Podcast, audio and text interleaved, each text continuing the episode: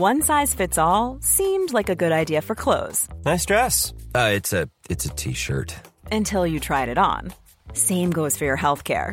That's why United Healthcare offers a variety of flexible, budget friendly coverage for medical, vision, dental, and more. So, whether you're between jobs, coming off a parent's plan, or even missed open enrollment, you can find the plan that fits you best. Find out more about United Healthcare coverage at uh1.com. That's uh1.com.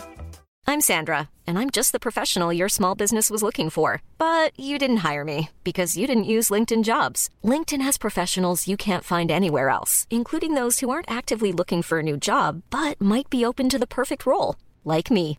In a given month, over 70% of LinkedIn users don't visit other leading job sites. So if you're not looking on LinkedIn, you'll miss out on great candidates like Sandra. Start hiring professionals like a professional. Post your free job on linkedin.com/people slash people today.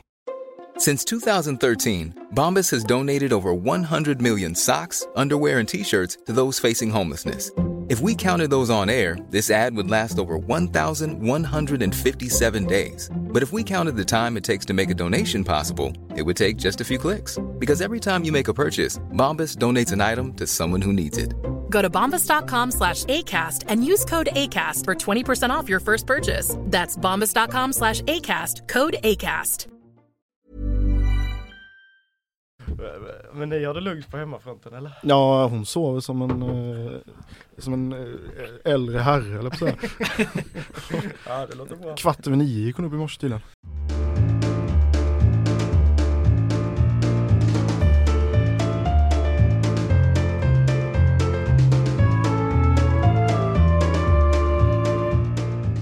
Hej och välkomna till GPs fotbollspodd som ännu så länge saknar ett namn, men där vi diskuterar fotboll i allmänhet och fotbollen i väst i synnerhet. Vi som gör det är idag jag, Robert Laul, tillsammans med inte mindre än två starka fotbollskännare, Filip Troler och Joel Besseling. Välkomna kära vänner! Utöver en omdiskuterad övergång, Alexander Ahl Holmström från ÖIS till Gais, har vi ju en rad träningsmatchpremiärer att beta av. IFK Göteborg, BK Häcken och BK Häcken FF har ju spelat match. IF Elfsborg har spelat internmatch. Och medan jag stod på Vallhalla och IP och frös arslet av mig, då sjöng du Stad i ljus med gula väggen inne på Skandinavien Filip. Hur lät det? Jajamensan, ah, det var för jäkla bra tryck alltså. Hur lät det frågar jag? Ja du lät, eh, min sång lät nog inte så jävla vacker, det tror Alltså, jag inte. Men, jag trodde vi skulle få ett smakprov. Ja det kommer jag inte ge, då, Nej, för det dåligt. får vi ta i slutet av säsongen i så fall. eh, hålla på det lite tror jag. Men eh, nej men det var fantastiskt trevlig kväll, de vann ju över Island och eh, magisk stämning så det var trevligt. Härligt. Eh, skojade lite där för att du eh, var ju inte bara och, och njöt av bra handboll. Du levererar ju en nyhet direkt efter att vi hade podda, poddat senast också. Utsikten bryter samarbetet med Magnus Perssons eh, VLS CF. Eh, Ingmar Lundin, han kanske läste min krönika, lyssnade på dina uttalanden i podden, sen ringde han upp och sa vi bryter, var det så? Ja, du vill nog gärna få det så va? Ja, det låter ju inte helt otroligt i alla fall. Nej, nej, nej. nej men jag, jag vet ju inte, ska jag säga, exakt tidpunkt för när det har brutits. Men jag vet ju om att det har varit på gång och att de inte har varit särskilt nöjda med, eh, med det här samarbetet. De gjorde ju nu utvärdering efter säsongen och om, de, om den blir klar i december eller januari, jag, jag vet inte tusan, men klart är i alla fall att de har brutit och eh, det var väl på tiden.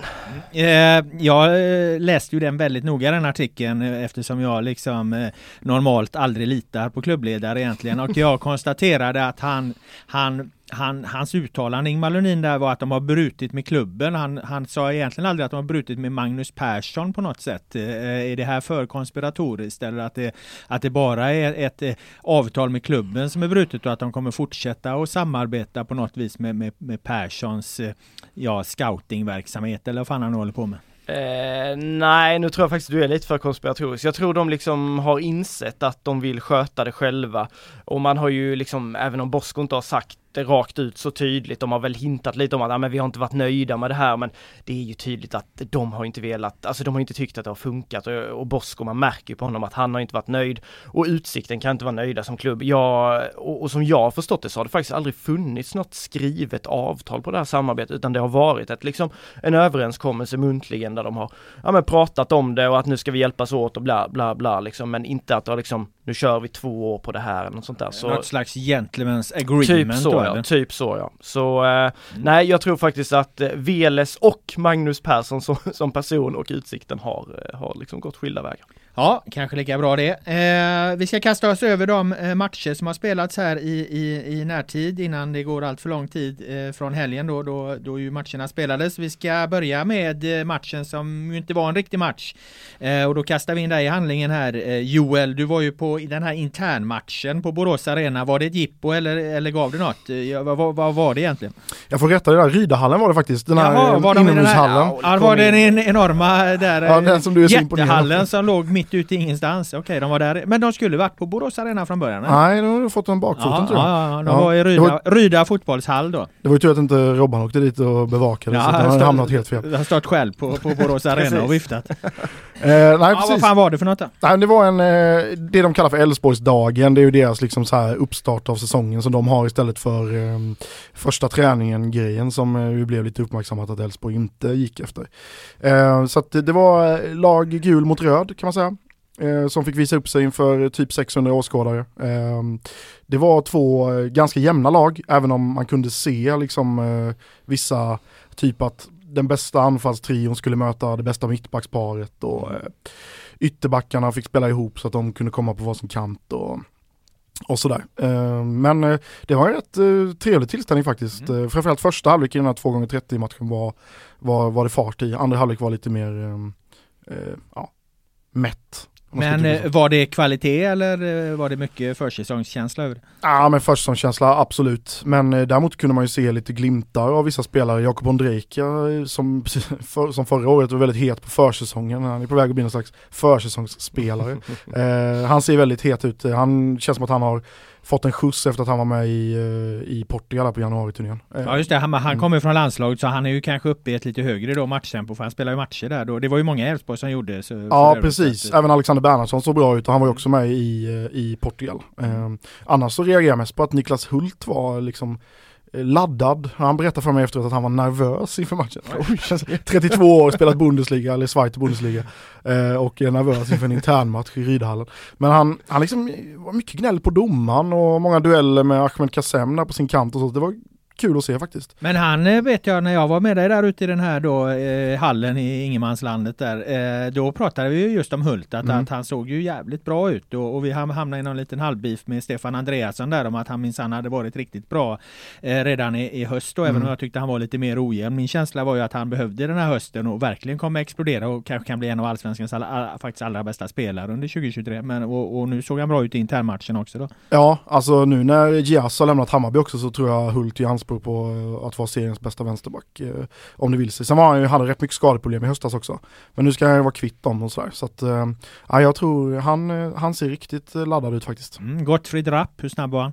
Han var inte med. Nej. De har ju typ 45 spelare i A-truppen så Ja, att, de, de behövde ju inte lufta några juniorer i den här matchen. Så att det var ju faktiskt liksom, inte ens alla A-lagsspelare fick ju plats i de här elvorna. Så Lagerbjälke och Gudjonsen kom in i paus då. Hängde du med på den Filip? Eller gott, de har spelat som heter Gottfried Rapp och jag undrar hur snabb han var. Ja, jo jag förstod rapp där ja, men eh, jag har ingen koll på den här spelaren. Är det någon eh, superlöfte eller? Ja, han har ju ett roligt namn och Ja, han ja, är, det är lovande mer det, junior alltså. va, så att det, Ja, var, ja. det var med- mest det jag försökte. Ja, vitsa till det helt Ja, enkelt. absolut. Ja, ja. Ehm, men eh, internmatch då i all ära, de, de, eh, vi har ju pratat om det tidigare i podden, eh, att de inte är med i Svenska Cupen. Du har ju dödskoll på deras eh, spelschema framöver här Elfsborg, eh, Joel, för de, de möter väl extremt bra lag eh, av de- den enkla anledningen att de inte är med i cupen. Ja, och de möter extremt bra danska lag för att vara ännu mer konkret. Eh, De möter Bröndby på fredag den här veckan, det är en match som vi sänder på GP eh, i Köpenhamn. Eh, och sen på läget så möter de ju FC Köpenhamn, Lyngby och eh, Midtjylland. Så att det är ju eh, verkligen eh, riktiga värdemätare. Eh, så att, och det blir ju intressant att se hur de står sig. Ja, har verkligen. De, har de sagt något om det liksom, hur de resonerar där? Vill de ha liksom riktigt tufft motstånd? Eller Ja. vad är tanken? Ja, om de vill ha tufft motstånd. Sen är det ju också så här, eh, de anmäler sig till Atlantic Cup eh, i, Ah, i Algarve, liksom, vilka lag kommer dit? Så att det är klart att eh, det påverkar också. Mm. Men de, det har ju varit lite så här, hur ska vi lägga upp den här försäsongen? Eh, för de har ju inte missat kuppen eh, tidigare Eh, eh, direkt så. Så att, eh, Och då ska de ju på ett läge till i Portugal. Vilka de möter där än är ju inte klart. Och då, då är det ju desto svårare i mars för då är ju till exempel danska ligan igång. Mm. Så att, eh, men eh, ja, riktiga värdemätare. Mm, Vi pratade om det förra gången eh, Filip, angående där hur det påverkar att vara med i cupen och inte. Nu hade du någon aktuell forskning där, Ja. ish. Som jag inte ska creddas själv för utan som Elfsborgs supportrar har liksom tagit fram där jag såg på någon svenska fansforum och fick bli inpingad på Twitter där. Det verkar ju som att det har gått åt helvete för de flesta lagen som har missat kuppen sen hur, i, i allsvenska seriespelet. Men i den här uträkningen så ska man ju säga att då, då var det ju många eh, förväntade bottenlag eller förväntade nedre halvan lag som har missat kuppen och och det var många av dem som hade haft det kämpigt, kvalat, åkt ur och så vidare. Eh, Elfsborg är en annan typ av klubb och eh, den gången eh, någon klubb som är lite mer topp, Malmö FF missade Svenska cupen. Jag kommer inte ihåg över vilket tidsspann vi tittade här men det var väl en 5-6 år tillbaka i alla fall. Eh, då vann Malmö FF eh, SM-guld. Så jag såg någon eh, Elfsborg där som, ja det blir, slutar väl med SM-guld det här då. De Ja, slutsatsen av det där är väl att Elfsborg antingen åker ur Ja, eller vinner Ja, det är SM-guld högt eller lågt där. Det kommer bli.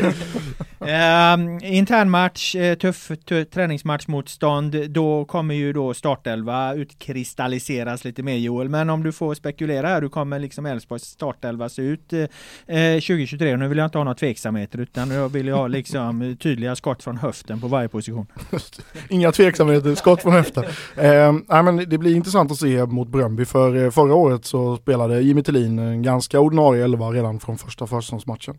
Eh, startelvan tror jag kommer se ut eh, som så att eh, Hakon Valdemarsson kommer stå i mål och så en eh, fyrbackslinje med Johan Larsson, Gustav Lagerbielke, Sebastian Holmén och Niklas Hult. En bra jävla fyrbackslinje. Alltså. Den är riktigt, Både offensivt och bra. defensivt bra. Ja, Shit, alltså. sen får vi se hur Lagerbielke smälter in i det här nu. Han lyckades ju inte alls i Elfsborg i våras Nej. när han fick spela ändå en 6-7 matcher. Sen var han ju väldigt bra i Degerfors. Eh, där har de ju folk bakom också.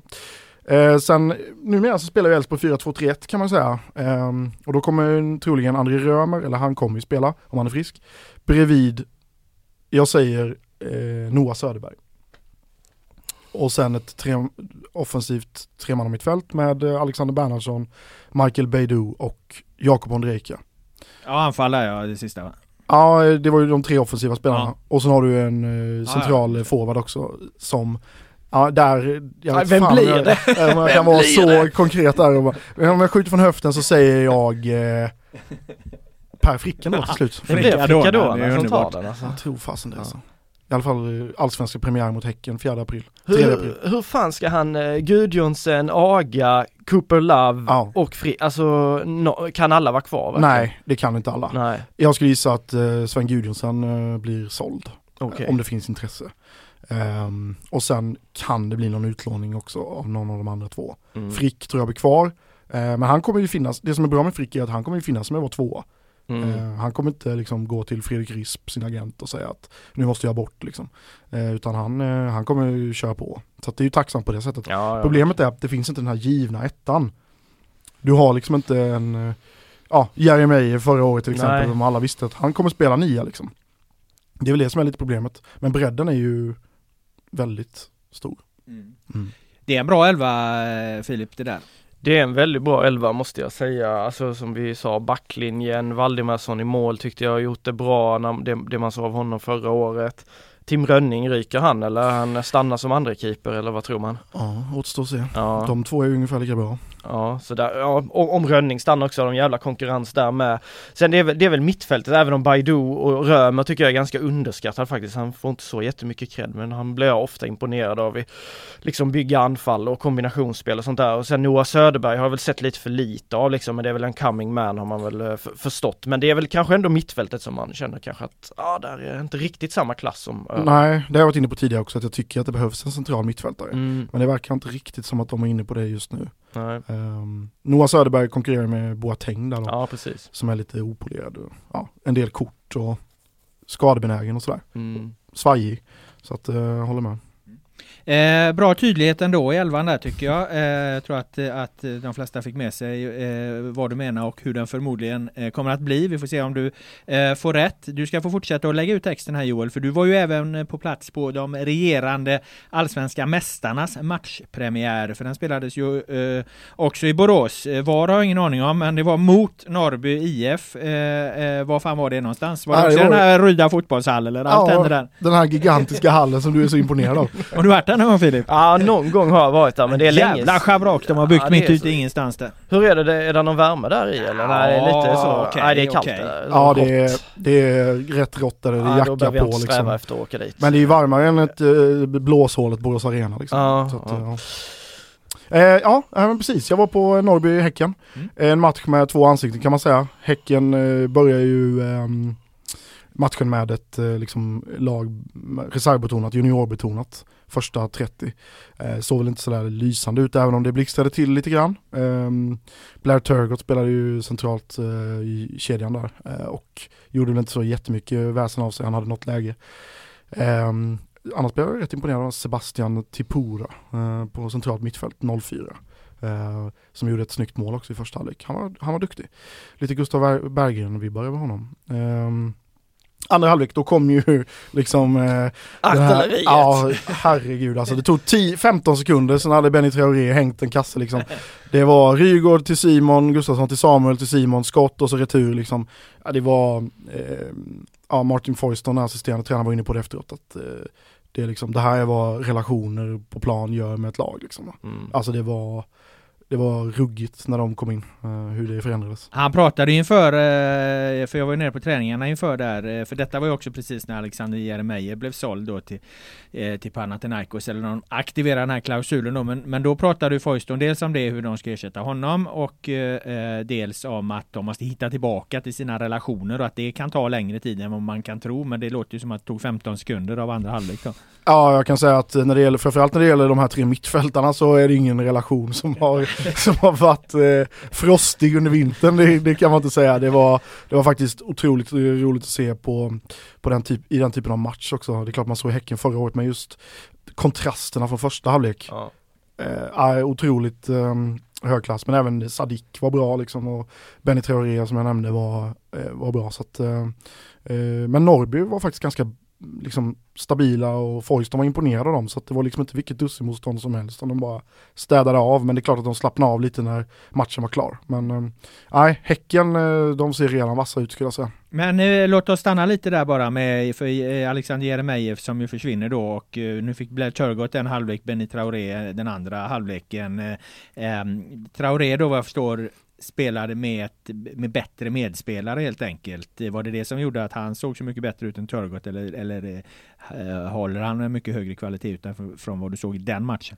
Ja men det ska ju in i ekvationen såklart, att han spelar med sämre spelare, men eh, jag skulle ändå säga att det är lite fördel eh, Benny Traoré ändå, för han var liksom, alltså båda hans mål var ju i princip returer, han var liksom där på hugget och väldigt spelsugen när han var skadad förra året, så det är klart Mm. att han har ju mycket och han vill visa upp liksom. Ehm, men eh, jag säger ändå fördel honom, han är ju dessutom massa år yngre, så att det finns ju en försäljningspotential också som man gärna har med i, i den delen också. Han var ju stekhet på marknaden innan han, eh, han hade ju inte gjort mycket i Häcken men ändå man såg ju ändå den enorma potentialen så det var ju många klubbar som visade intresse för honom och sen så gick han sönder och så börjar man ju om lite grann men, men det är klart att de vill eh, boosta upp honom tänker jag. Mm. Vem blir det då? Blir de kommer gå på? Är det Traoré, Turgott eller tar de in en, eh, gör de liksom en, en tung värvning här, Häcken? De har ju inte gjort någonting Mm. hittills. Ja, det är svårt att säga, alltså jag, jag tror ju att de tror, alltså Turgott tror jag inte blir deras första alternativ liksom. Det är väl lite kanske att de vill se Traoré, vad han kan nå för nivåer här under försäsong, kanske i kuppen och sådär.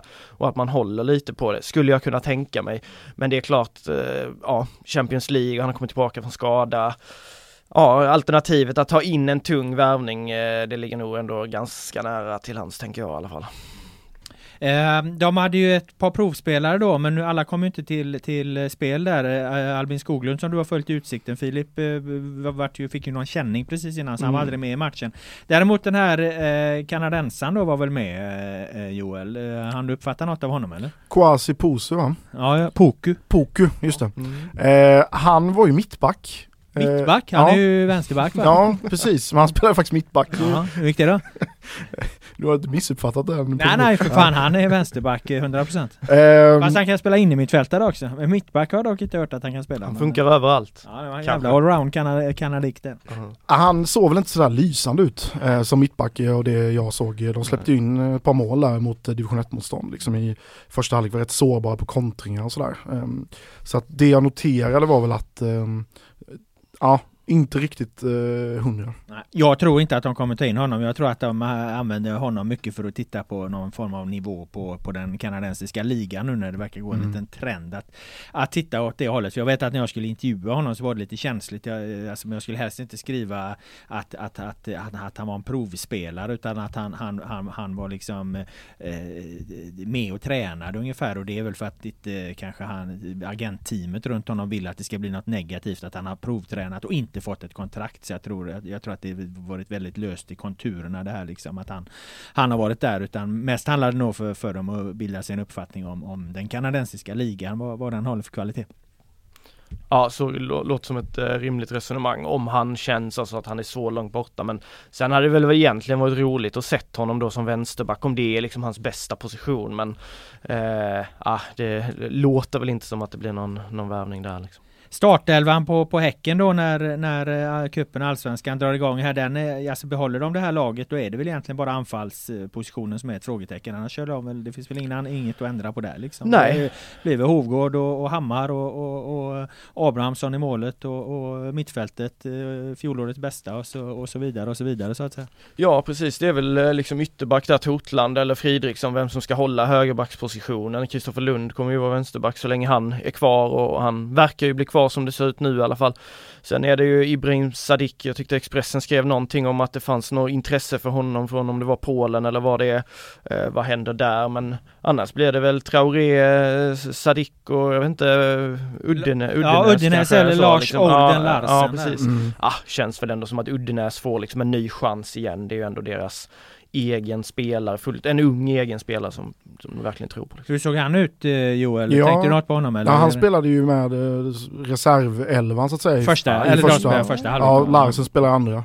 Ja, Okej, Eh, en indikation. Ja. Lite så faktiskt. Och jag tyckte Uddenäs såg, ja men han visar ju prov på det här några gånger där liksom det han har, han bryter in från höger och, och försöker avsluta med vänster. Han hade något skott som var tätt över och sådär men eh, ja, 30 minuter i Rydahallen i januari, det är svårt att dra några större växlar men jag noterar i alla fall att det var Larsen som spelade i andra halvlek. Är En spaning eh, är god som någon. Har du fler från den här matchen eller ska vi eh, lämna BK Häcken?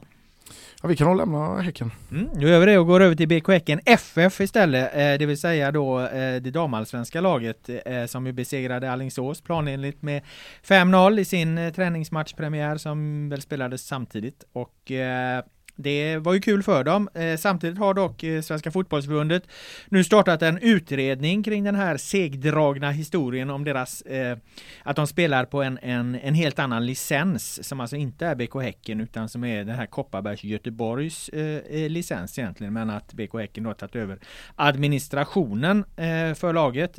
Nu blir det en fråga för Svenska fotbollsförbundet att utreda och det beror ju helt enkelt på att, att det ursprungliga BK Häcken damlaget har ju gått upp i elitettan så nu har ju liksom BK Häcken då plötsligt li- två lag i elitfotbollen. Ska man kunna ha två lag i elitfotbollen? Ska man kunna, ska, tänk om det här laget nu går upp i allsvenskan då? Ska Häcken liksom ha någonstans två lag i allsvenskan? Vad säger du Filip? Nej, rakt svar nej.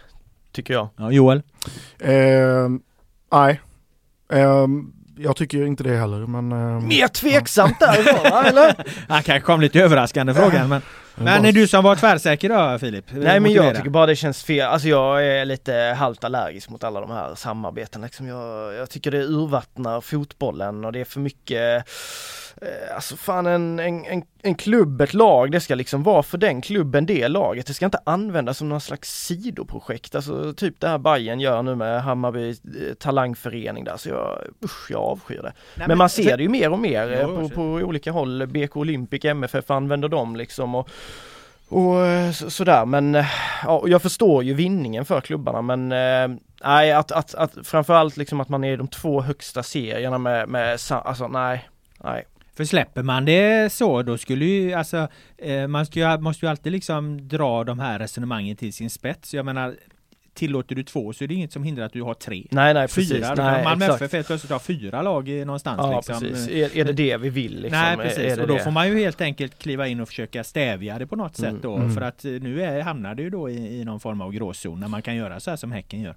Ja och, och till slut kan ju landa i det att eh, liksom eh, damallsvenskan, eh, där blir liksom de bästa lagen och sen blir deras B-lag allihop i, Ja, i elitettan. Att Blåvitt och Malmö och alla möjliga Ja. lag har lag i elitettan så blir serierna identiska liksom klubbmässigt. Och det blir ju en mardröm liksom, det kväver ju alla som drömmer nerifrån liksom Mm. eh, och det skulle ju kunna bli så på här sidan också på sikt om det skulle etablera sig ett, liksom ett sånt mönster på damsidan och eh, nej, det vore ju bara negativt. Skulle nu då eh, Svenska fotbollsförbundet på något sätt hitta något sätt att eh, sätta käppar i hjulen för det Häcken gör, då hamnar de ju i en, en, en extremt komplicerad situation eftersom de har ju redan gjort, de har ju liksom sitt, sitt lag då som de inte styr licensmässigt i allsvenskan. De, de kan ju inte göra så jävla mycket åt det liksom, att, att det är på det sättet. Så jag vet inte riktigt vad Häcken ska göra om, om, om fotbollsförbundet kommer med ett skarpt svar här. Det, det, det, det tror jag inte heller de själva riktigt vet. För att alltså, det går inte att flytta över utan jag menar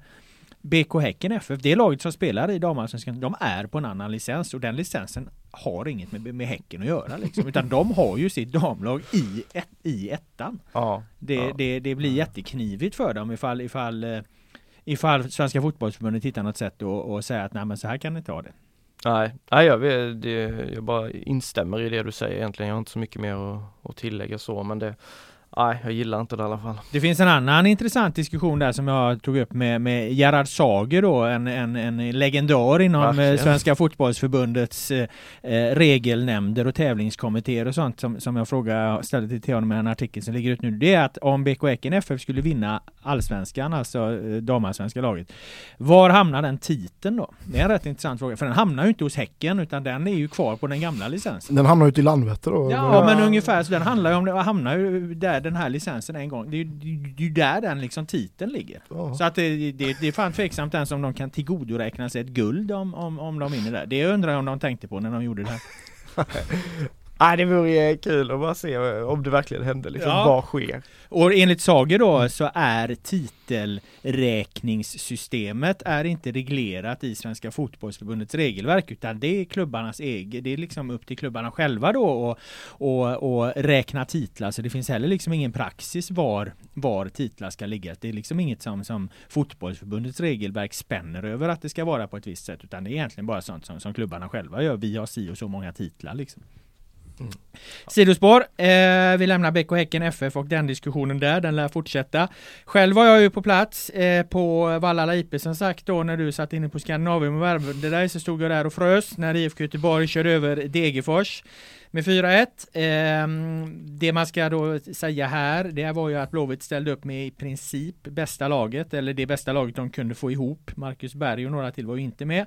Men, men ehm, de, de matchade det bästa de hade eh, från start, medan Degerfors då körde lite den här eh, Häcken-style då att de eh, eh hade två olika elvor, ingen helt ordinarie utan lite, lite blandat och en lite bättre möjligen. Eh, så det ska man ju ha med sig när man eh, värderar eh, den här segern. Och jag var där som sagt, jag såg matchen så att det är egentligen är lättare om, om, om ni eh, skjuter av lite frågor om ni vill veta något om hur Blåvitt såg ut så kan jag försöka svara på det.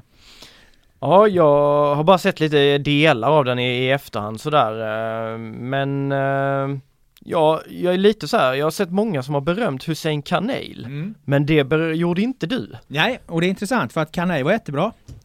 Okej. När han kom ut på kanten. Han var inte bra när han var i mitten. Och vilken position har han i det här nya spelsystemet? Jo, eh, Blåvitt spelar ju numera 4-2-3-1 och han är någon form av tia där. Eh, och då ligger, ligger man ju centralt och fiskar och där hade han stora problem när det blir trångt och tajt och, och hur han ska agera där. Men emellanåt liksom så, så gled han ut på kanten liksom, hamnade i sina en mot en situationer och där var han ju jättefin liksom. Då slog han ju sin motståndare varje gång. Eh, så att eh, det, när han blixtrar till så gör han det ute på kanten och det ger mig lite vatten på min kvarn för jag är lite tveksam bestämt att han kommer hantera den här nummer 10-rollen. Eh, och ser man honom här i den här matchen då, då ser han, med man ju mycket riktigt att han är mycket bättre när han kommer ut på, på kanten. Så frågan är om de inte ska tänka om lite där hur de ska använda honom och faktiskt ha honom där han kommer allra bäst i sin rätt. Men man kan ju vända lite på det också att han kanske ska vara en så flexibel tia som rör sig över stora ytor och att någon annan flyttar in i den ytan, liksom tia-rollen. Eh, så kan det också. vara, men då blir det lite låg verkningsgrad tycker jag på honom. Då hade han ju, han hade ju som sagt nu då två, tre bra aktioner på ja. vad han nu spelar liksom 70 minuter och det kanske är lite för lite då jämfört med om man hela tiden kan vara ett hot på kanten. Mm. Så att eh, där, där, där, det kommer när jag ska dra min, min, min, min eh, eh, tänkbara startelva kring Blåvitt så, så har jag en liten tanke hur de skulle kunna göra mm. det. Var Elias Hagen den här spelmotorn som han ska vara? Eh, Hagen var jättebra när det går fort och det finns ytor och eh, Blåvitt flyttade boll eh, mot ett eh, osamlat försvar. Då var det lite, då fick man lite känsla av att de försöker göra någon form av copy-paste på Häcken som ju flyttade boll extremt snabbt över, över planen utan att ha så, så snabba spelare. Där, där, där, där blir Hagen jättenyttig när han bara liksom kan ta emot, vända upp, spela vidare på, på löpande spelare. Vad han inte alls imponerade på mig på det är ju mot ett samlat försvar, försvar när han blir lite stillastående, när det blir lite mindre ytor och så. Då tyckte jag han såg ganska liksom eh, kantig och, och, inte jättetrygg med bollen ut. Men det kan ju bero på att det var januari, det vet jag inte riktigt. Men, men, men det kändes som att han hade en väldigt tydlig spets i just det här när det går fort, vända upp, spela vidare och fylla på och röra sig över stora ytor. Där är han bra liksom när det blir när det blir liksom kompakt och trångt och du ska liksom lirka upp en, en samlat eh, motståndarförsvar. Eh, då såg han ju inte, då var han ju inte mer kreativ än, än Gustav Svensson och det säger jag inte som någon sågning för jag tycker Gustav Svensson håller ganska hög kvalitet på, på allsvensk nivå på det också. Ja det är ju intressant men jag, fan som sagt för stora växlar här, det, vi får passa oss för det tror jag. Jag tror Hagen mycket väl kan ha, ha mycket mer att ge och, men det är ju ändå intressanta alltså, spaningar du gör på, på, på den fronten. Eh, de unga, riktigt unga grabbarna, Felix Eriksson, eh, mm. kom in, mm. läste att han hade varit rätt så bra också, ser hans framspelning till Linus Karlstrand som också var bra. Var de, är de redo att konkurrera redan i år? Ja, Karlstrand undrar om han inte kan vara det om han fortsätter göra mål. Eh, han, var ju, han var ju riktigt valpig i första halvlek och, och eh, hade väldiga problem med att, och, och ta in bollen i, eftersom han låg som anfallsspets där och, och någon slags referenspunkt i, i vissa uppspel och så här. Det, det klarar han absolut inte. Men, men när han väl fick sina målchanser så, så eh, han, han är ju en fantastisk avslutare alltså. Det är ju jävligt kittlande att försöka ha honom på planen. Mm. Uh, men då måste de ju lösa det här med, för att Marcus Berg ska ju vara där också liksom. Och där kommer jag återkomma in på, på mm. min startelva här om ett tag. Kan ana var detta ska backa hur, hur man ska kunna använda det här. För jag menar, har du en sån avslutare, ung också, som gör mål liksom. Alltså, alltså en ung fotbollsspelare som gör en jävla massa mål. Det är en otrolig försäljningspotential. Uh, kan man ha honom på planen uh, i, i, den rollen där han gör massa mål, då, då finns det ju så oerhört många vinster på det. Men han är väldigt, väldigt valpig när man ser honom i mottagning spelet och det här. Alltså där, där, där, och det kanske inte är så konstigt, men, men det är ju en gudabenådad eh, avslutare. Så där, eh, eh ja, som sagt, eh, när jag kommer till min startelva om en stund så, så, så kommer det bli intressant. Mm, han får växa, han får växa lite här så mm. kanske han är redo lagom till, eh, till premiären. Vad är det mer man är nyfiken på? Sebastian Olsson tycker jag har sett otroligt fin ut på träningarna. Tyckte att han var på en väldigt hög nivå tidigt. Eh. Han var den som imponerade mest skulle jag säga. Ja, det, var så, och, ja, det tycker jag. Och han ger ju också, eh, de pratar ju om att de vill öka sitt bollinnehav och man ska inte underskatta ytterbackarnas betydelse i, att, i att klara att hålla i bollen. Ofta mm. liksom så har du en snabb ytterback, bra på att försvara, men så ska du bygga eget spel, bollen kommer ut där, Emil Salomon som kanske inte ser bolltryck, ja då, då dör det lite där liksom. Får du in Sebastian Olsson där nu som ju är det tydliga valet, eh, Salomon spelade ju, spelade ju högerytter eh, i, liksom mm. i, i, här, eh, eftersom Markovic var borta då. Eh, så Sebastian Olsson och, och den här Trondsen då på andra sidan som också ska vara väldigt bolltrygg, han är ju inte klar för spel Nej. ändå. Jag tror att det kommer ge, det kommer ge, det kommer däremot ge IFK Göteborg en, en helt annan dimension i, i sitt eh, possessionspel när de, när de får två. Kalle Johansson, mittback, är ju inte världens bolltryggaste mittback. Så, men kan du då avlasta med två bolltrygga ytterbackar så kommer det betyda oerhört mycket. Jag tycker ändå Kalle har blivit bättre med bollen. Om man jämför med när han kom från Falkenberg, då såg jag nästan honom bara som en liksom duell och huvudspelare. Men jag tycker ändå, framförallt i fjol tycker jag han utvecklades med, med bollen. Så där känns det som att de har något att bygga av. Hur mycket av det nya Blåvitt såg man då? Även om Stare har tonat ner det där lite så här i någon Nej, sådär men... Ja, eh, det det var så här, man kan säga om det här att de, man ser ju att de letar efter det. Mm. Men eh, eh, besluten kommer inte naturligt eh, eftersom de vill liksom, de, de vill ju göra någon form av kombination. De vill ju både kunna anfalla snabbt men de vill kunna vara tillräckligt bekväma så att, så att, så att de klarar av att ha ett, ett bollinnehav även när de inte kan eh, anfalla snabbt. Och man såg, man såg ju här när de ska värdera mellan de två delarna. Ska vi gå snabbt eller ska vi vila och försöka hålla i bollen? Det där blev liksom det där blev ofta ganska fel. Beslutsfattandet fe blev fel. Men det lägger jag helt på kontot att det liksom är tidigt på säsongen. Man ja. försöker göra något delvis nytt. Alla måste bli mer bekväma i sina roller. Alla måste vara med på när man ska göra vad liksom. Stare var ju skogstokig många gånger på Johan Bångsbo eh, för att han liksom vänder om, spelar hem till målvakten istället för liksom instinktivt upp med blicken och söka den, den snabba liksom. Alltså att den värderingen satt inte 100% på ganska många eh, eh, spelare. Och det är väl för att de försöker göra något, eh, något nytt som alla måste vara med på. Jag menar vi såg ju hur jävla samspelta Häcken var i fjol till exempel. De fick ju till det här hela tiden. Mm. Ehm, och, och, och som sagt, det är lite av ett copy-paste på Häckens spel det Blåvitt försöker göra. Mm. Ja, så, och det där är väl också, det är ju lätt man sitter fast i sina gamla, men Blåvitt spelar ju ganska mycket med eh, hängsle livrem liksom att Bångsbo vänder hem då liksom instinktivt. Det, det måste man ju få bort för han fattar ju att de, att Stara är extremt noga på att liksom trycka på att han ska använda för han är ju fan bäst i laget på att hitta de där eh, liksom passningarna kanske. Ja, och ju bättre han är så är det ju också en försäljningspotential Ja, i honom om han så blir det. väldigt bra. Man kan utveckla honom så, så man ska inte se det som något negativt att Stare skäller just på Bångsbo. Det handlar ju liksom om att, att bygga honom. Ja. Har du något Joel du funderar på som du vill veta?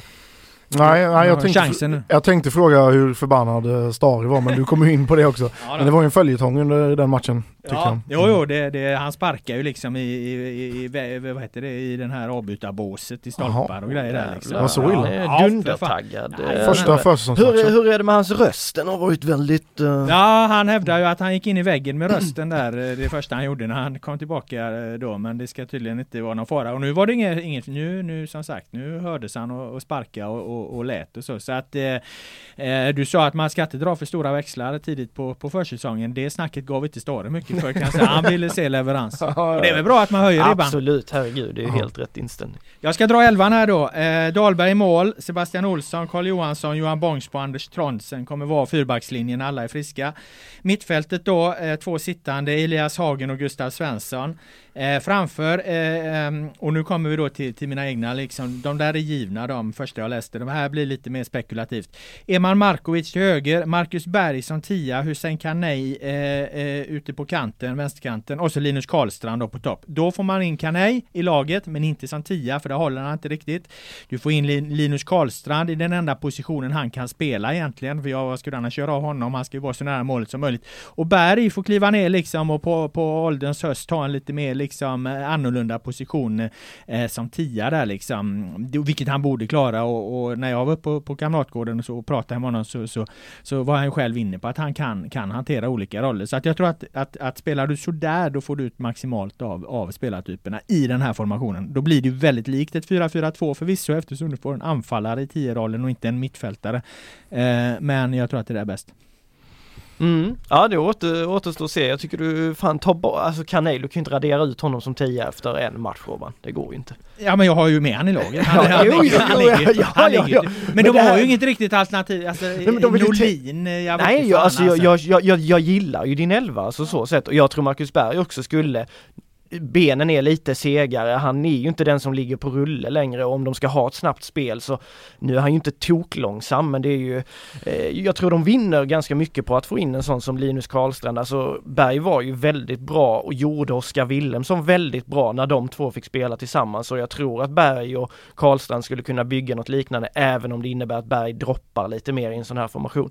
Men vad ska du göra av Kanai annars? Då? Nej men då, alltså, då, ska, då får han ju vara till vänster. Det är ju Ja. de alternativen vi har att spela med. Det är mer jag är inne på det att man kanske inte ska döda kan, idén Kanel som tia än Gustav Norlin gjorde väl ändå, vad var det, 17 poäng i fjol eller 15 poäng eller någonting. Sen eh, har jag väl också lite svårt att se att han ska upprepa den eh, bedriften men eh, jag gillar elvan ändå alltså. Med tanke på hur bra Marcus Berg var som nia i fjol så känns det som att Linus Karlstrand ska nog, eh, ja, han får göra en riktigt bra Ja, försäsong om han ska gå in som, som nia där, att de ska flytta ner Berg, för jag undrar hur det påverkar hans liksom, kropp och sådär, att spela tia i Allsvenskan. Det kanske är bättre för hans fy- fysik att spela tia än nia. Ja, det beror ju lite på hur man lägger upp pressspel och så. Du kan ju spela pressspel att du, du liksom får, får jaga mindre om du ligger som tia och att då Karlstrand får springa liksom och ta första stöten där och, och vara den som löper mer. Och jag menar han är ju ung och stark så att, så att uh, han ska ju kunna springa mycket så att det kan ju också faktiskt vara ett sätt liksom att, att spara Berg lite grann. Det beror ju lite på hur man, hur man uh, organiserar det så att uh, det kan ju vara en vinst faktiskt. Även om jag håller med dig om att Berg var jävligt bra som, som, som nia förra året. Och han är jävligt bra i just försvarsspelet. Stare, jag vet när man pratar någon gång om Marcus Bergs färdigheter så var ändå det första Micke Stare sa, det var hur bra han var på att styra försvar, försvarsspelet liksom och, och, och använda sig i försvarsspelet. Så Men han kan ju styra Karlstrand andra ja, sidan. absolut. Så Karlstrand springa Ja, eh, såklart. Men, Det låter lite som att eh, vi, när det väl blir maj, juni där, då är Blåvitt tillbaka i 4-4-2 igen. Karlstrand gör det bra. Det är liksom Kan en han- möter och en löper i djupled och så är det, ja. och en lång boll från Kalle. Nej fan, nu får de inte hamna där. Nu får de ta nästa steg här. Ja, du, ni ska, du ska väl på deras nästa match? Ja, eh, det är väl tanken. Så du får Ja, väl eh, ja. följa upp detta och, Ja. och, och får vi se hur de gör där. Ehm, om ni inte har fler frågor om Blåvitt så kan vi släppa dem där också och eh, gå över till eh, ÖIS.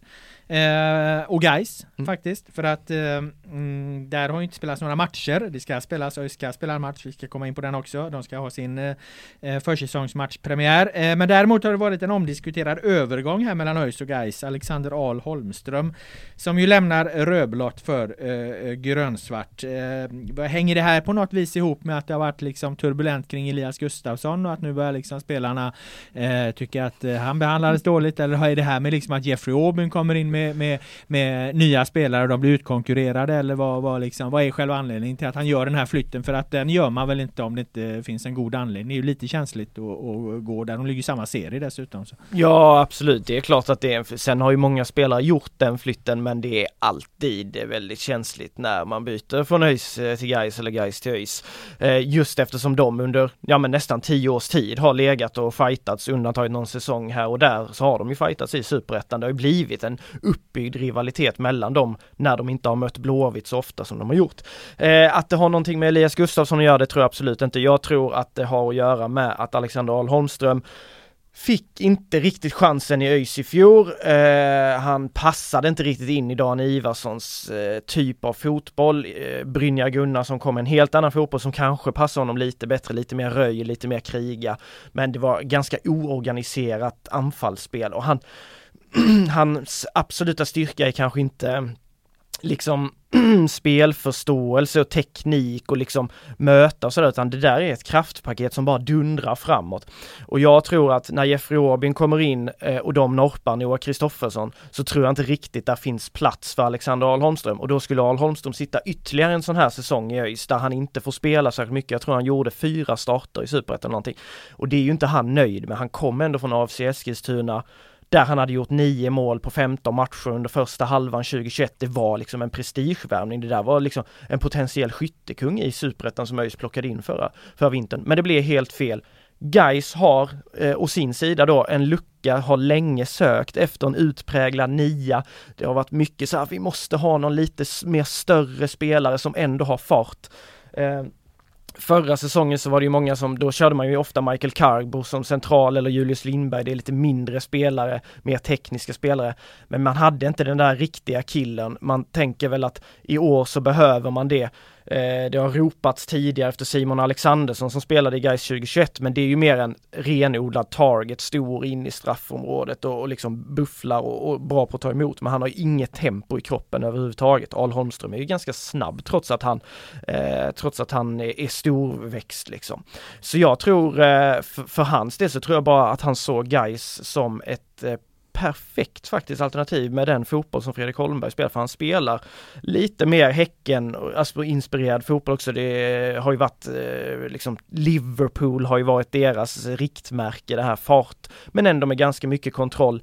Eh, ÖIS kommer ju också spela på ett snarlikt sätt, men de har ju som sagt då redan Noah Kristoffersson. Alexander Ahl Holmström har mycket större chans att få speltid i Gais och kunna bli en viktig spelare där. Men det var någon, var det inte någon lagkamrat från ÖIS som skrev på Twitter om att det här var den bästa, bästa nian? Det lät ju, bästa nian han hade spelat med Absolut. i princip. Liksom. Eh, Herman Sjögrell eh, sk- sk- Ja, skrev så ju på. Twitter eh, att det var en av de bästa niorna han har spelat med. Kevin Ackerman var strax därefter och, och skrev att jag håller med liksom, så de tog ju tydlig ställning där. mot Är det att, samma agentfirmor eller vad handlar det om? Eh, eh, eh, nu får jag tänka lite här, jag är osäker på den men nej men jag tror att de har en ganska fin relation, liksom bra kompisar och sådär.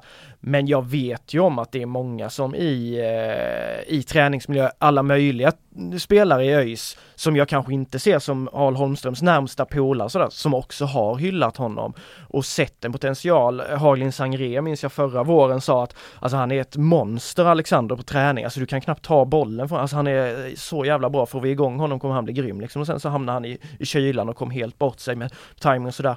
Inför kvalet, Daniel Paulsson, är det någon som kommer avgöra det här så är det Alexander Karl Holmström, då hade han inte spelat på fan hur länge som helst men ändå så såg de ju någonting i honom.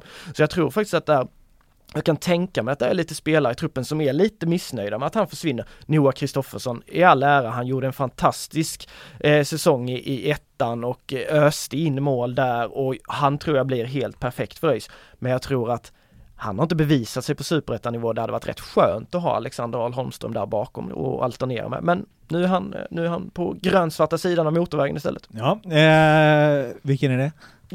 Ja det, vad blir det? Det blir nor- norrsidan då väl? Jajamän. Mm. Eh, gör han succé i Gais Alexander Ahl Holmström, eh, Joel? Ja, det gör han. Ja, det var ett rakt och tydligt svar, det är Mm. bra. Eh, gå över till nästa fråga då om du inte vill utveckla det. Nej. Eh, Elias Gustafsson nämnde jag ju lite grann där eh, Filip. Eh, den eh, storyn vreds ju i alla fall ytterligare ett varv när Samuel Gustafsson, hans bror då, gick ut och totalsågade ÖIS och de supportrar som bidrog till det här drevet. Jag tycker att Samuel var ganska spot on där och han, han är ju jävligt smart och därigenom vågar han ju använda ganska starka ord om den här då eh, känsliga eh, historien. Eh, dessutom är han ju landslagsman så att den här kritiken måste väl ändå vara ganska tuff för eh, ÖIS klubbchef Andreas Karlsson tänker jag. Eller? Ja, alltså jag vet inte, de har väl, de tjatar ju om att de har lagt det bakom sig och de vill inte tänka på det mer och, men eh, att man kan ju bara konstatera att hela den här Elias Gustafsson historien, den har ju fått otroligt mycket luft och blivit en väldigt stor, eh, stor grej. Eh, sen är jag väl, jag är lite förvånad ändå att Samuel använder så starka ord. Nu är de ju ganska frispråkiga av sig, eh, bröderna Gustafsson och, och sådär och som du säger, han är i en ganska stark maktposition nu med tanke på hans fina säsong och landslag och sådär. Sen tror jag bara han talade från hjärtat, det är liksom hans brorsa också. Men eh, det jag tycker ändå man ska ha med sig lite när man är inne och svingar här mot ÖIS agerande sådär, det är ju vissa bitar som vi inte riktigt har klarhet till.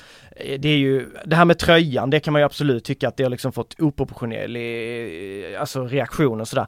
Men han var ju också ute och festade. Jag vet inte, kom han bakfull till träningen? Finns det fler, alltså finns det den typen av aspekter? Sen har jag ju hört lite sur från öiskretsar att det var Elias som gärna ville bryta det här kontraktet. Där är några sådana bollar vi inte riktigt har fått svar i som man ska ha, ska ha med sig. Jag, eller jag hoppas egentligen inte att ÖIS liksom bröt kontraktet med honom för det här med tröjan, för det tror jag ändå hade gått att, att spela över. Men det blir för mycket cirkus runt om och och, eh, och det, det får ju ÖIS delvis ta på sig och Elias vet om att hans agerande inte var hundraprocentigt. Det var trots allt en jävligt viktig situation eh, för ÖIS när han, när han gjorde det här. Men fan, fan vad vi har ältat detta många gånger. Men eh, jag, är, jag förstår ju att Samuel tar det partiet han tar. Mm. Nej men det har ju blivit en, en av de stora historierna eh, eller storiesen eh, den här delen av året helt enkelt. Den har ju som du säger eh, rullat i, i månader nu. Mm. Så att, det finns ju fortfarande en del man väntar på för vi Joel, vi har ju fortfarande inte hört Elias egen version av det.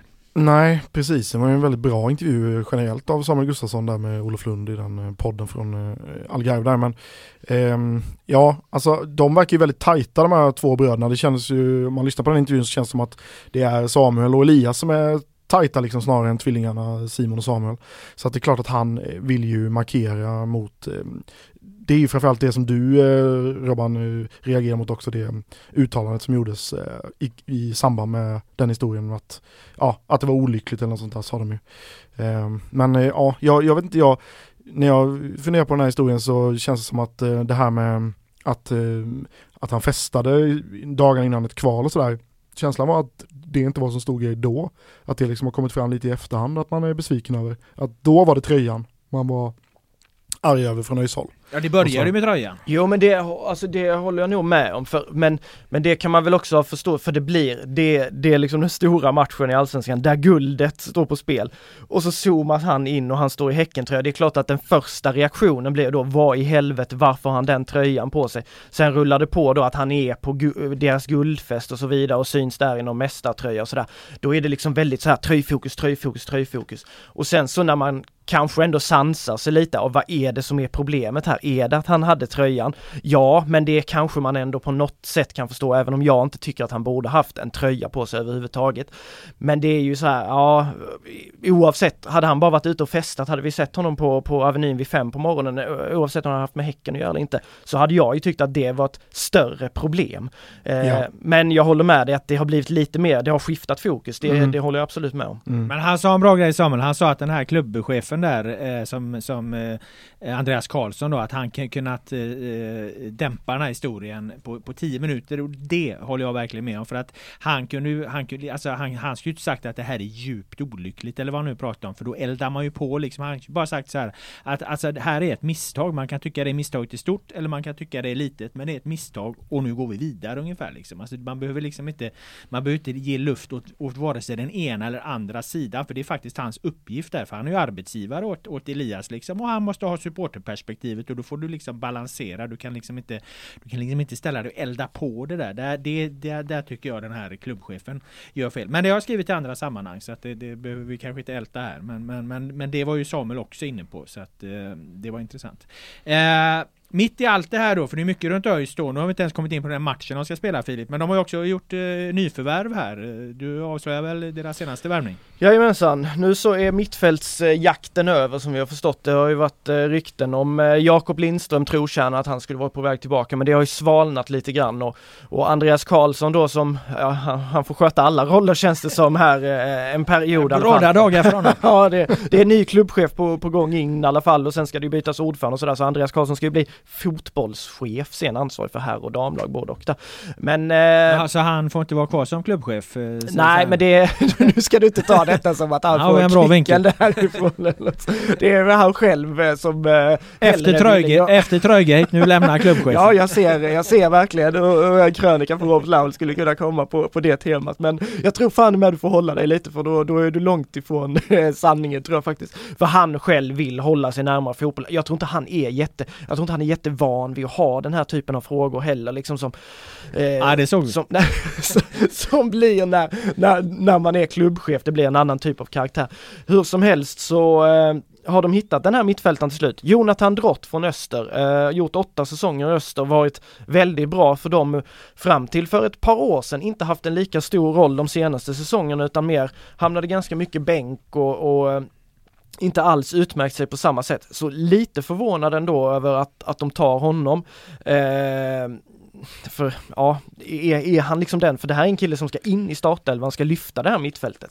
Samtidigt, han kanske behöver en nytändning och man har ju sett spelare som har varit för länge om man får säga i, i en och samma klubb, även om man uppskattar det att det finns de som är det. Så få en nytändning, han är 30, han är liksom inte lastgammal, ingenting. Han är ett rivjärn men han är ändå duktig med bollen och det är, det är helt vad jag har förstått att ÖIS, därför de inte valde exempelvis att fortsätta med Arvid Brorsson, det var för att man tyckte han var inte tillräckligt bra med, med spelet med, med boll. Jeffrey vill ha spelskickliga sexor, Jonathan Drott kommer sannolikt vara en av de sexorna. Mm. Eh, det är ju intressant att det kommer från Öster för att Jeffrey Åbyn kommer från Malmö eh, och i Malmö så jobbar ju eh, Åbyn med Malmös dåvarande scout som väl numera är sportchef i, i, i Öster så att mm. det känns ju som att det finns Connection Ja exakt, det ja, finns kopplingar ja, höger och ja. vänster här Jeffrey var väl också ryktades vara nära Öster Ja för, att han, nu liksom. jag tappar bort namnet på, på scouten där, vad fan han nu heter Vito ja, Stavliani Exakt, ja, exakt. Just det. Så något ja, men, eh, jag blev väldigt förvånad måste jag säga när Drott eh, blev klar för ÖIS. Mm. Eh, men när du ser den här kopplingen så är det man, behöver man inte Ja då är det fullständigt solklart. eh, nej men rent spelmässigt, eh, jag, jag har följt Öster mycket, kommer från Växjö och sådär. Han, han eh, har, har ju varit ganska temposvag i ganska mm. många år nu och det tycker jag inte riktigt eh, laborerar med eh, Jeffrey Robins eh, filosofi och sådär. Så jag undrar om han lyckas ta en trea sett över hela säsongen alltså. Nej det, det, det, håller jag med om. Tempot är ja. ett, ett frågetecken. Samtidigt, mm. de har inte, de har Erik Nolgren, han visade inte mycket förra säsongen. Erjon Sadiku tror jag att de kommer försöka putta fram. Han kom in i somras, varvade igång lite grann, så intressant ut. Han kommer ta en av, av platserna, jag är ganska övertygad om. Sen har vi Amel Mojanic, men han är ju tänkt som mer en tia liksom. Mm. Eh, då är det ju en lucka på centralt mittfält. William Svensson finns som man skulle kunna använda, men han är ju helt i princip helt oprövad på superettanivå. Så nu, jag tror ju ändå att deras tanke är drott i alla fall. Sen får vi se efter en försäsong, håller han? För nu är det som mm. sagt två säsonger här där han inte har varit en bärande spelare i, i öster som han har, har varit tidigare. Men klart är att eh, det är mycket Jeffrey Aubin finger med i spelet i de flesta värvningarna, även om ÖIS väldigt gärna vill säga att vi är team och vi jobbar ihop och sådär. Men det är fan Jeff, han har mycket att säga till om känns det som. Ja, men det har vi konstaterat eh, tidigare att det här är ju Jeffrey Aubins projekt liksom, som han får ju stå i både med och motvind eh, den här säsongen, vad nu tar vägen för det. Men vad är stora frågan då inför deras eh, eh träningsmatchpremiär här? Är det om den drott går rakt in i, i elvan där då eller vad, vad, vad, vad är du nyfiken på? Hur ja. formationsmässigt är de klara där hur de ska Nej, ställa men det, upp eller? Det, det är väl den alltså grundfrågan man kommer eh, ställa sig. Hur ska de spela? Det har ju Jeffrey varit lite svävande kring hur, hur, de, hur de ska ställa upp. Han har ju arbetat med 3-5-2, han har arbetat med 4-3-3. Eh, känns som att det blir någon av de två formationerna. Det har han också indikerat lite grann. Eh, så eh, fyrback, treback. Jag tror det blir fyrback nu för nu har de, nu har de eh, tappat Robin Glavak som eh, bara härom, härom veckan beslutade sig för att lägga ner fotbollskarriären. Denna jättelovande mittback som var hur bra som helst i, i ettan södra i fjol utsågs till en av seriens bästa försvarare där och jättehypad för några år sedan när, när Tottenham och allt möjligt ryktades vara intresserade av honom eh, att värva till deras akademi och sådär. Eh, men han har slutat så nu är de ganska tunna på mittbackssidan. Jag tror inte han kan liksom spela med tre mittbackar för går någon då sönder då, då, då är det ganska tomt där. Så, så jag tror det kommer bli en fyrbackslinje, jag tror det kommer bli 4-3-3. Vi kommer få se. Eh, sen om Drott är redo, liksom han blev klar igår eh, Ehm, och eh, kliva in redan tveksamt, eh, så den frågan får vi väl vänta lite med. Det jag annars är mest spänd på det är hur han formerar sig offensivt. Det finns mycket offensiv kraft där. Eh, Niklas Bärkroth, var väljer han att placera honom? Noah Kristoffersson kommer säkert ta den centrala anfallsrollen. Daniel Paulsson har sett stark ut på försäsongen. Eh, det finns mycket och så Mojanic är man ju väldigt nyfiken på. Han har ju jävlar vad han har lovordats på, på många håll eh, som en fantastisk talang och jada jada jada liksom men eh, har inte fått ut så mycket. Han har väl också varit i öster en sväng. Eh, ja, precis. Om du har sett något av ja, honom så. Men... såg lite men han fick väl inte ut eh, nej, det man nej. hoppades på liksom. Så, men nyförvärven såklart, de har ju tagit in jäkla massa nya spelare. Vi är väl uppe i åtta spelare nu. Det är väl nästan vad alla de andra har tagit in eh, tillsammans i övrigt. Jag skrev en text om det att de är de som håller igång transfercirkusen i stan även om utsikten har börjat varva igång där också. Eh, bra, eh, då har vi full koll inför eh, den träningsmatchen också. Det är ju De möter Oddevold kan vi bara flika in också. Ja det sa vi inte. Ja, det, nej, nej, men då, då, då vet alla det också. Ja. Eh, det är ju... Vi sänder den också, eh, förlåt. ja, då vet vi det också att vi sänder den matchen. Där. Nu ska du få köra va? Ja, eh, det är ju träningsläge på gång, det var det jag skulle säga. för det är det ju, jag sticker ju till Marbella redan på lördag. Filip, du åker med Blåvitt till Torrevieja på torsdag väl? Och och eh, då syns vi där eh, någon av de dagarna och eh, du drar väl då till Portugal med Elfsborg, Joel på onsdag om jag nu har fått alla dagar rätt. Här. Det är i alla fall i, i det närmsta det händer. Ja. Vad mm. ser ni fram emot mest med att komma till spanska solkusten och den portugisiska Algarvekusten? Värmen! Ja, jag såg igår det var 12-13 grader i Algarve, det låter ju perfekt. Jag var ändå uppe, uppe, uppe på 15, 16, 17 i Marbella. Sanopsan, ja. ja. Nej men det, det, är klart att det, förutom vädret och att komma till en ny miljö liksom i början på året och sådär när man eh, liksom kämpar i slasken i Göteborg liksom, det är, är fantastiskt men träningsläger, grejen med det är ju tillgängligheten, eh, att det är liksom roligt sätt att jobba på. Man får snacka med spelarna, man fångar upp saker eh, och kan liksom få, jag tycker man får liksom komma in i säsongen med en väldigt bra bild av hur det ser ut bara att vara där liksom en vecka, tio dagar med, med ett fotbollslag liksom. Så att, eh, det ska ju väldigt kul. Ja det håller jag verkligen med om. Eh, Häcken var ju tydliga, var ju, det var ju tydligt att se hur de eh, redan från början i fjol arbetade med, med liksom sitt snabba då, sätt att flytta bollen över planen. Det började de jobba väldigt tydligt med i Marbella. De stod och räknade vid sidlinjen och så här. Det vet jag att det, det började jag med med mina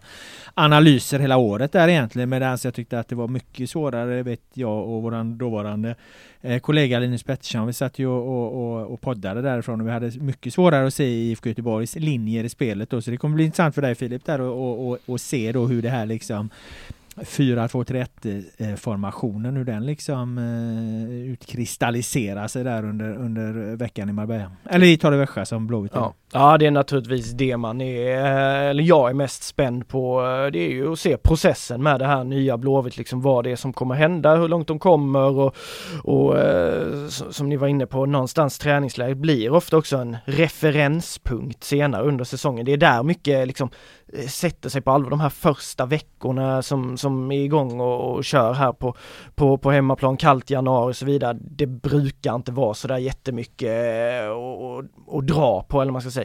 Men läget och sen framåt och sen kommer ju kuppen och så vidare. Så det känns som att det startar på riktigt här nu eh, på, på något sätt ändå. Ja, om Marcus Berg ska ju börja träna ordentligt och vara med mm. i matchspel och så där. Det blir också intressant att se hur, hur kommer han se ut i år? Ja precis, Vad, hur, hur mår hans kropp och nu när man då får se han i träning och sen också då hur, hur kommer de använda Kanelberg och, och se den konstellationen och se hur de jobbar ihop om det nu är tanken. Eh, och det blir väl två träningsmatcher för, för Blåvitt, det är Viborg och eh, det andra laget har jag tappat nu men eh, det är två träningsmatcher i alla fall så, så det blir ju också två sådana liksom eh, ja, viktiga, viktiga håll, håll, hållpunkter. Det var inte Fredrikstad eller? Nej. Hur var det? Ja, kanske. Jag vet inte. Häcken har tre matcher och eh, eh BK Häcken FF då har två matcher och, och sen har vi alla Elfsborgs matcher då. Så att det är en jäkla mat massa matcher som pågår parallellt där. Mm. Ja men eh, som sagt Elfsborg har ju tufft motstånd och det är ju rätt många roliga lag som är på plats där nere i Algarve. Det är ju, förutom FCK och Midtjylland så är det ju eh, AIK eh, och även eh, Ulsan Hyundai, det här nysatsande sydkoreanska laget med, med Gustav Ludvigsson och eh, Darijan Bojanic. Eh, och sen faktiskt även lite bonus, Brentfords B-lag kommer.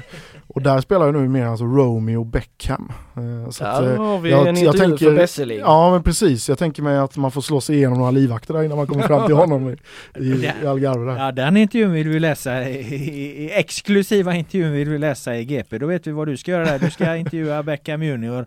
Eh, jag ser fram emot eh, på Hotell Barcelo Marbella otroligt fin omelett, baconomelett de har till frukosten där. Den ska ätas varje dag. Den har vi hört tuggas om här. Ja plus att, plus att Eh, att det, Häcken bor ju på det här hotellet så att där hamnar vi på samma hotell då. Vi hamnar inte på samma hotell som Blåvitt i Torrevieja men, men eh, Häcken bryr sig inte så mycket om sånt. Så att då får man även se Per-Mattias Högmo till, till frukost varje dag. Det är faktiskt en bra start på dagen att se en glad Högmo. Det måste jag säga att det, det förgyllde tillvaron där förra året. Så det gör det säkert i år också. Ja det är fan det låter som en dröm faktiskt. Mysig Högmo. Han bara, jag kan riktigt tänka mig att han har bra morgonhumör och sådär också. Där, Otroligt morgonhumör har ja, han. Alltså, han strålar alltså. som en jävla sol ja, liksom. Fan, han kommer in och kvittrar i frukosttalen varje morgon. ja, ja, 100 procent. Högmo har nog bäst morgonhumör i fotbolls-Göteborg skulle jag tro faktiskt. Ja, ja det blir en utmaning för dig Filip där annars med Torrevieja. det är ju riktigt lurigt där på vintern. Jag var, jag var ju i Alicante-trakten förra året där. Det var ju, nu var det visserligen slut av pandemin men det är ju inte roligt där eh, på vintern. Ja, vad är det? Alltså, det, är det nedstängt, ja men det är nedstängt och kallt och tomt och kallt? sådär. Så att, eh, ja men på kvällarna. Jag också dit en vecka. Ja men på kvällarna är det svinkallt. Eh, det var liksom tjock jacka på.